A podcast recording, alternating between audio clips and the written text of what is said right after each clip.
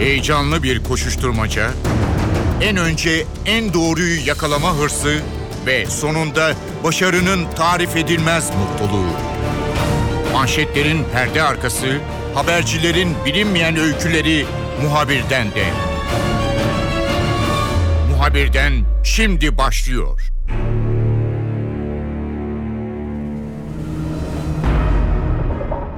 Muhabirden de bu hafta ekonomiye yakından bakacağız. Siyasi gelişmeler sonrasında ekonomide ciddi dalgalanmalar yaşanıyor. Dolarda tarihi artış yaşandı. Hükümetin ekonomi uzmanları verdikleri mesajlarla hem uluslararası piyasaları hem de iç piyasayı dindirmeye çalıştılar. Piyasanın reaksiyonu şimdilik olumlu gibi duruyor. Ancak bir yandan da siyasi tartışmalar devam ettiği için herkes gelecekte ekonominin ne olacağı konusunda sorular sormaya başladı. Bu soruların yanıtları aranıyor. NTV Ekonomi Müdürü Gökay Otyan bizimle olacak. Gökay hem uluslararası piyasaları yakından takip eden bir isim. Ayrıca uluslararası yatırımcıların Türkiye'deki temsilcileri, borsada yatırım yapan yerli şirketlerin temsilcileri, borsa firmaları Gökay'ın NTV'deki yayınlarında görüşlerini aktarıyorlar. Dolayısıyla Gökay bu konuları da yakından takip ediyor. Muhabirden başlıyor. Ben Kemal Yurteri.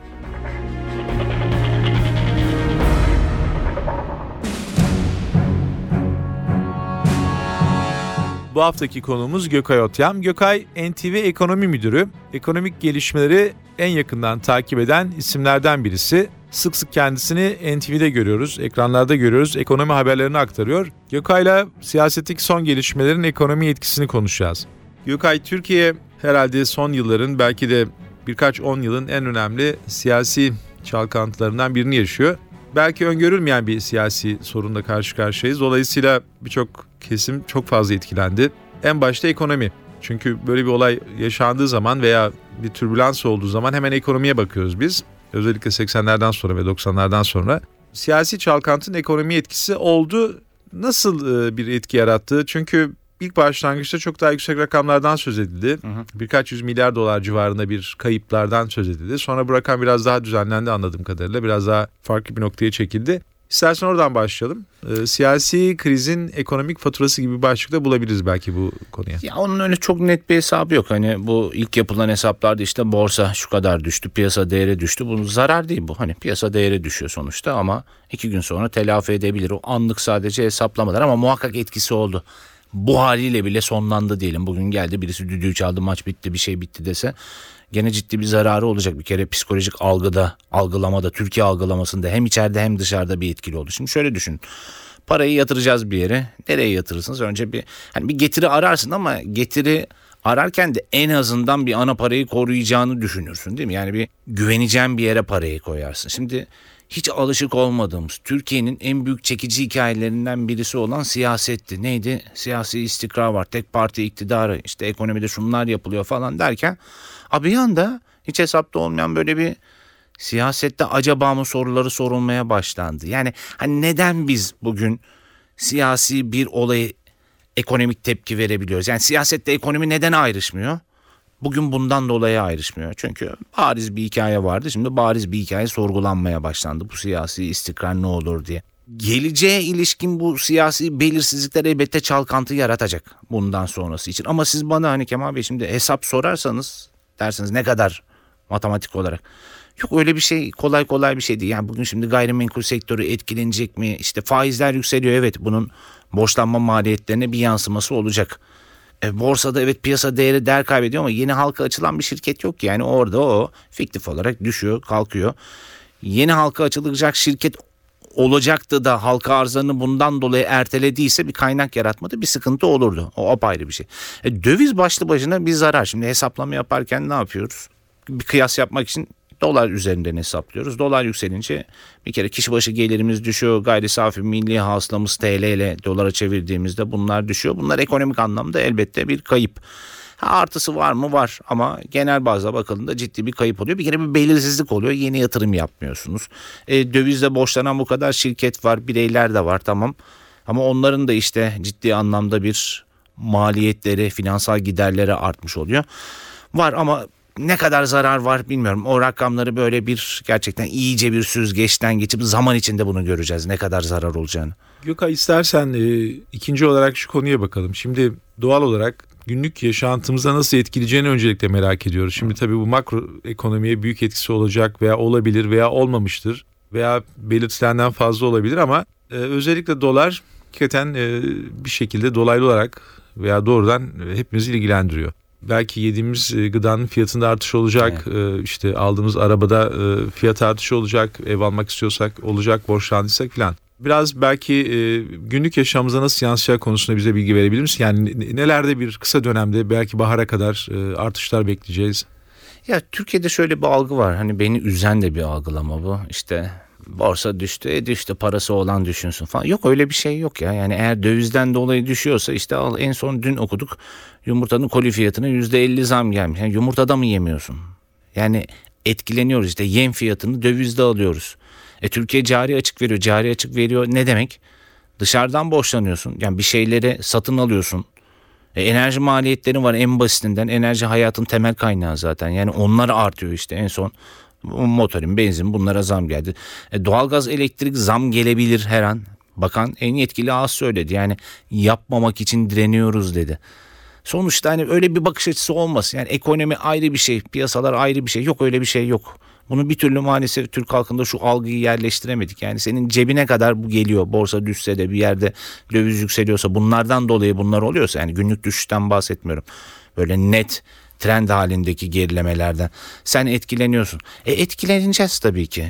Yani gerçekten bazı şeyler ölçmek zor çünkü her şey psikoloji, ekonomi dediğiniz bizlerden oluşuyor. Bizim psikolojimiz psikolojimizden oluşuyor. Şimdi yani ay işte böyle olur işte gayrimenkul alınmaz, satılmaz falan filan diye düşünürsen e, benim gibi pek çok insan öyle bir düşünceye kapılırsa e işler durur. Ondan sonra işte alınan krediler var. Satılamayacak bu kadar stokta ev olacak. Ya o ekonomik anlamda zaten bir çöküntü demektir ama piyasalardan biz algıyı oluşturacaksak önümüzdeki günlerde ben şöyle diyeyim. Yavaş yavaş bence doyma noktasına geldi artık piyasalar. Yani siyaset bundan sonra çünkü değerlemedir. En önemli esas şey değerlemedir. Yani bu fiyat hareketlerine böyle kapılıp gidersen büyük dalgayı kaçırırsın. O büyük dalgalar da hep trendler değerlemelere göre olur. O yüzden bana kalırsa bu fiyatlar, bu değerlemeler son derece ucuz kaldı. 65 bin endeksten bahsediyoruz. Diğer ülkelerle ne yaparsan yap.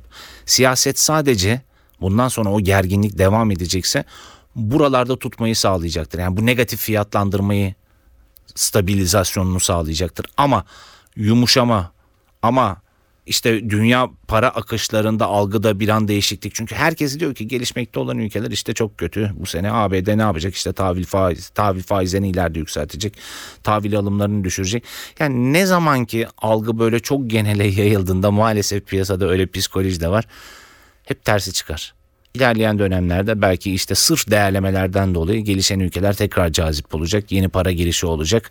Bu konjonktür belki bir yerde tekrar bir dengeyi, bir pozitif e, Türkiye açısından bir algılamayı beraberinde getirecektir. Sadece değerlemelerden dolayı. Yani dönecek yani yabancı da dönecek bir yerden sonra. Gökay bu yabancılar konusu tabii hemen e, gözler yabancılar, e, yabancı yatırımcılara da çevriliyor. Bunların tabii borsadaki büyüklüğünü aslında biraz da merak ediyorum. Hakikaten çok büyük mü? Büyük büyük %60'a yakın onlardan oluşuyor. İkincisi e, onların reaksiyonu nasıl oldu? Veya bazen e, ekonomideki bir gelişmeyi veya yükselmeyi veya işte düşüşü biz e, sadece kendi içimizdeki bazı gelişmelere bağlı olarak da değerlendiriyoruz ama biraz daha iyi bakanlar, geniş bakanlar oysa çok farklı bir borsada veya farklı bir ülkedeki bir takım nedenlerden dolayı etkilendiğimizi de söylüyorlar ve hani tamamen hı. suç e, Türkiye'de veya Türkiye'deki gelişmede olmuyor. Tabii bu son durumdaki işin aslı nedir onu da sana sormak istiyorum. Bir yabancılar konusu. e, Onların reaksiyonunu nasıl değerlendiriyorsun? İkincisi bu dolardaki yükselme sadece Türkiye'deki bu iç e, siyasetteki e, dalgalanmadan mı kaynaklandı yoksa hani bir uluslararası bir ekonomik gelişimde bunda etkili oldu mu? Var mı öyle bir şey daha? Var var var. Yani sadece içsel nedenler yok elbette. İçsel nedenler biraz daha negatif ayrışmamızı sağlıyor ama asıl hikayeyi başlatan zaten Mayıs ayından oluşan işte ilk Fed'in parasal genişlemeyi azaltacak açıklamalarıyla oldu. Trend orada başladı. Sadece TL değil. Güney Afrika randa değer kaybediyor. Hindistan rupisi de değer kaybediyor. Yani öyle pozitif ayrışanlar var. Polonya zlotisi falan ama işte pozitif ayrışan varsa Onlar nasıl ayrışıyorsa biz de ayrışabilirdik o zaman. Ne kadar sağlam tutarsan o kadar işte dışarıdan gelecek felaketlere karşı daha korunaklı olursun sonuçta. Demek ki hassas noktamız varmış işte cari açık var en başında. Ee, hani ekonomik büyümenin sürdürülebilirliği konusunda bir istikrar olmuş. İşte bir yıl şu kadar büyüyorsun, ertesi yıl küçülüyorsun. Hep böyle dünyanın enlerinde yer alıyoruz. Yani pozitif yönde de negatif yönde de. Yabancıları bana sorarsanız şöyle diyeyim. Bir kere 17 Aralık'ta başladı. Ekstra bu içerideki siyasi gelişmelerle söyleyeyim. Orada işte yabancılar Noel tatiliydi falan filan. Çok fazla etken değillerdi. Ha belki açık olsaydı ilk fırsatta biraz daha refleks bir tepki verebilirlerdi ama yabancı bizim gibi duygusal davranmıyor. Yabancı kısa vadeli de düşünmüyor. Yabancı uzun vadeli diye. Var tabii kısa vadeli böyle gelip gidenler var ama ben kemikleşmiş bir yapıdan bahsediyorum yabancılar açısından. O uzun vadede yabancı duygusal davranmadığı için biraz evvel benim bahsettiğim o değer hesabından gider. Yani şu elimde tuttuğum kalemin bir değeri vardır. Ya bu 2 liralık kaleme ben bir trend başlar 3 4 5 liraya çıkar bir yere kadar çıkabilir. Siz fiyata aldanıp buna yatırım yaparsanız bir yerde kaybedersiniz. Ama hani bu kalemin değeri 1 lirayken ben size bunu 0,1 kuruş diye bir fiyat şey yapsam eninde sonunda 1 liraya geleceğini düşünürsünüz. O yüzden bu değer hesabı yapan yabancı duygusal davranmadığı için bence cazip de bulacaktır buraları. Onlar için cazip de olacaktır. Ha bir de zaten eli taşın altında yabancı dediğim bir kişi değil. Onlar da yani kaç fonlardan oluşuyor, kaç kişilerden oluşuyor ama sonuçta genel bakış açısı şu olacak. Dövizin yükselmesi TL'ye çevirmek için cazip olacak. Borsa dolar bazında %40 düşmüş. Bu da cazip olacak. Yabancı eninde sonunda buraya bence çekecektir. Uzun vadede yani yabancılar için burası hala çekici olmaya devam edecek. Gökay kriz ortaya çıktığı zaman hükümet e, ekonomi kurmaylarından açıklama gecikmedi. Biz e, ekonomiden sorumlu bakanın açıklamasını, Maliye Bakanı'nın açıklamasını hemen aldık. Onlar da pek kötü bir tablo çizmediler ve yabancı yatırımcılarla örneğin Maliye Bakanı iletişim içinde olduklarını söylediler. Onların sorularını yanıtladıklarını söylediler. Açıklamalar biraz sanki aktif bir şekilde sorunu aşmak için devreye girdiklerini gösteriyor. Onun bir olumlu dönüşü oldu mu sence? Çünkü bir hafta geçti neredeyse bu temasların ardından. Ya şimdi Maliye Bakanı Mehmet Şimşek hani eski zaten piyasacı. Ee, uluslararası yatırım bankalarında deneyimli bir isim. O yüzden hani piyasacıların nasıl baktığını bilen bir isim. Anlatabilir o konuda. E söylediği şey var. Türkiye'nin hani temellerinde bazı sağlamlıklar işte bütçe açığı yok. Yani hani bütçe son derece sağlam. Tamam pozitifler var. Negatif yönleri var işte cari açığı var.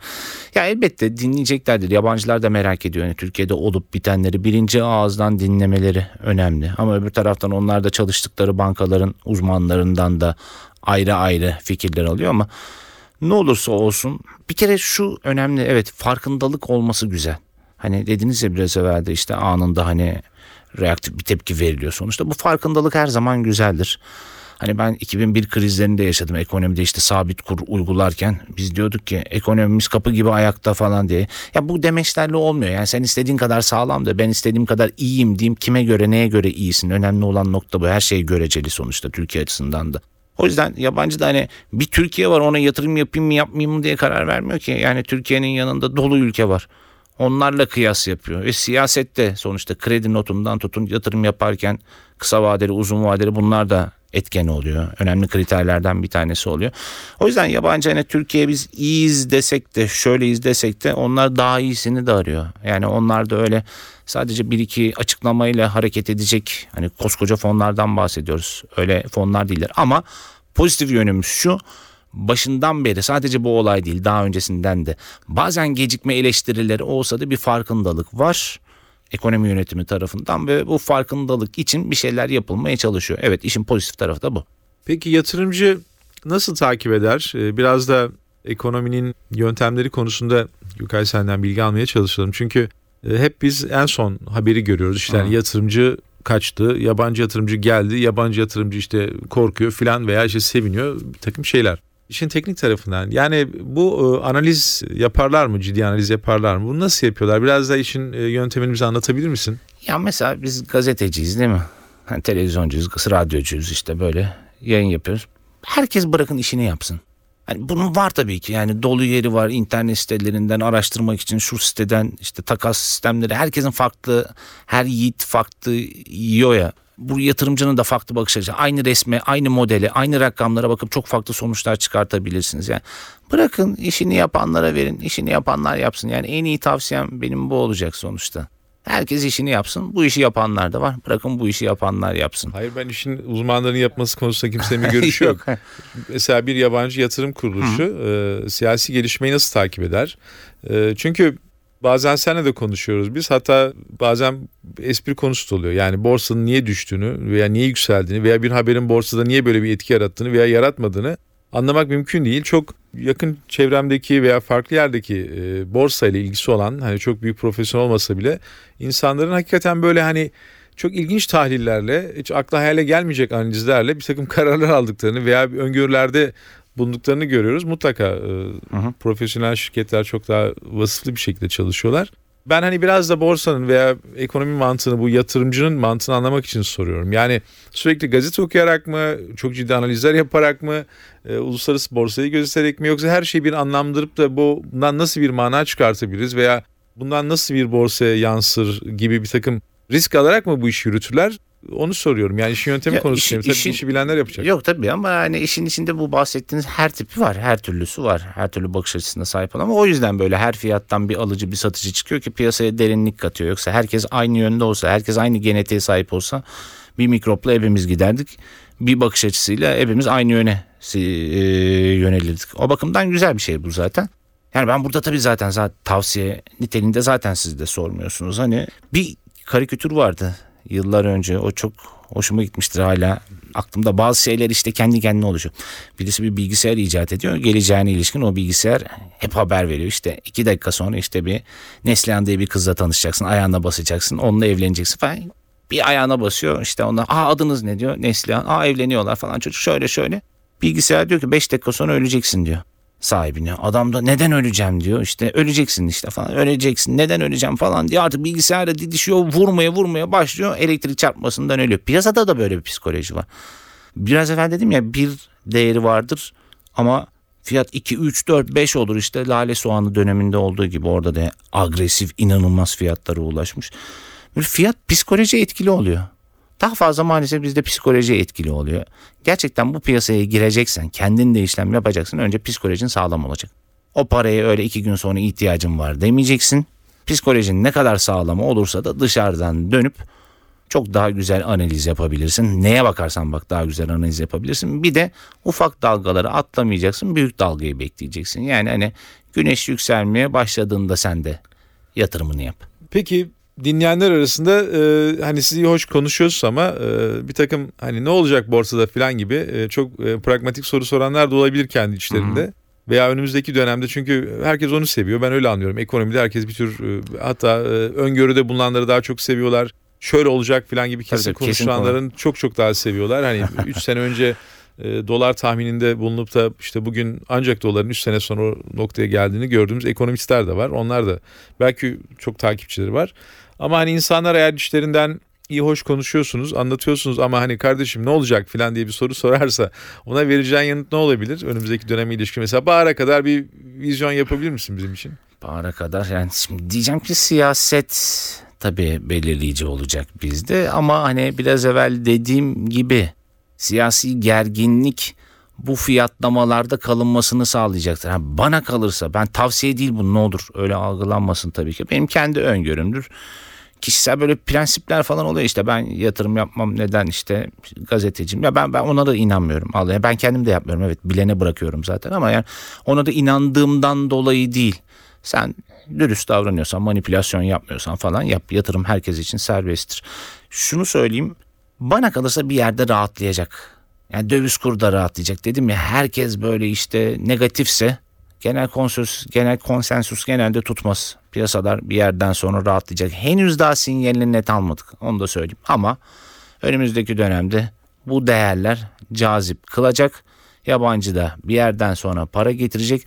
Herkesin beklediği gibi çok negatif bir sene olmayacağını düşünüyorum. Şimdi ne oldu? Altın 13 yıldır kazandırıyor. 14. yıl düştü. Herkes altında negatife döndü. E bir yerden sonra altın da işlemini daha tamamlamadı. O da cazip olmayı sürdürecek. Hani bunları tavsiye olarak değil ama evet insanlar net konuşanı seviyor. Kaybettirse bile gene dönüp dolaşıp hani gene Kemal Sunal'ın filmine atıfta bulunayım öyle ee, Bulkaro'yu al para de böyle bir işaretle kaş göz işaretleriyle hep böyle yanıltırdı adamın parasını kaybettirmişti. Ama insanlar dinliyor işte psikoloji böyle maalesef psikoloji böyle. O yüzden psikolojin sağlam olacak değerlemeni yap yatırımını pozisyonunu al ve bekle. En mantıklı yatırımın budur. Böyle kazanırsın. Kazanan da böyle kazanıyor zaten. Yabancı da böyle yapıyor. Hatta adamlar psikoloji falan her şeyi devre dışı bırakıp artık sistematik olarak formülizasyonlarını yazıyorlar. Kendisi ister tatilde olsun ister başka bir yerde olsun bilgisayara o sistemi giriyor. O fiyata geldiği anda zaten alış veya satış her neyse bilgisayar kendi kendine yapıyor. O yüzden siz değerlemeleri esas alırsanız eninde sonunda kazanırsınız. Çok kısa vadeli düşünmeyin. Yani trade eden varsa buyursun etsin. Zaten para kazanıyorsa kazansın. O da bizden akla ihtiyacı yoktur.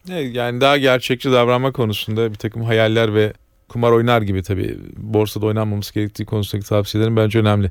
Gökay son sorum kuru fasulye olacak. Şimdi e, çok makroekonomik veriler uçuşuyor e, piyasa ekranlarında, televizyonlarda, ekonomi yorumlarında filan. Hani ben açıkçası bugüne kadar böyle hani kuru fasulye ne olur, nohut nedir, pirinçten nasıl etkileniriz diyen bir ekonomist görmedim. Tabii onlar da haklı olarak biraz daha makro bakıyorlar. Belki onların e, yönlendirdikleri husus bu. Ama hani dünya borsalarını falan takip ederken biz herhalde biraz tahıl borsasını kaybettik galiba. Çünkü kuru fasulye inanılmaz yükseldi. Ve bu belki de hani Meksika borsasındaki dalgalanmadan çok e, bende eko yarattı. Yani kuru fasulyeyi görünce ilgimi çekti. Herhalde birçok insan da böyle. Bunu şeyle bağlamak istiyorum. Yani çok böyle genele falan mı bakıyoruz bazen biz? Biraz da gündelik hayatımızı ilgilendiren veya bize özgü olan bir takım e, verileri mi kaçırıyoruz veya planlamalarda mı hata yapıyoruz değil mi?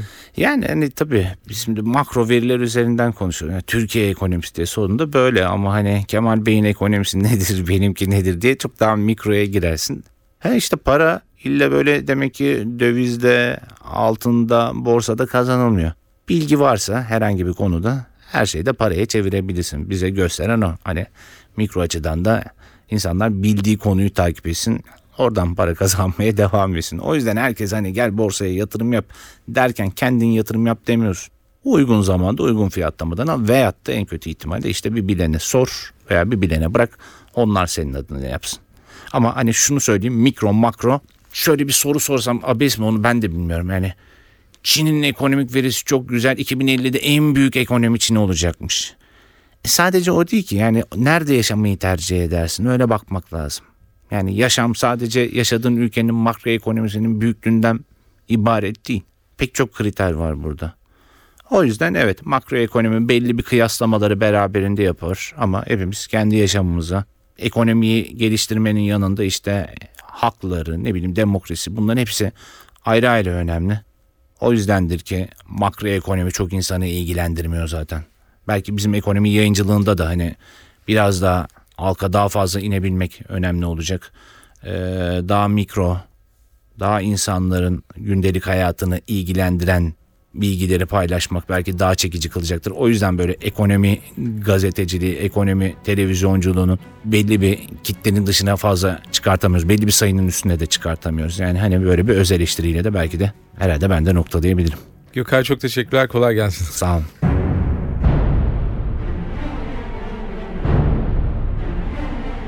Muhabirden de bu hafta konumuz ekonomiydi. Siyasi gelişmelerden etkilenen ekonominin önümüzdeki günlerde nasıl bir rota izleyeceğine bakmaya çalıştık. NTV Ekonomi Müdürü Gökay Otyam notlarını bizimle paylaştı. Ben Kemal Yurteri, muhabirden de yeniden görüşmek üzere, hoşçakalın. Haber için değil de haberin hikayesi için şimdi onlara kulak verme zamanı. Muhabirden NTV Radyo'da.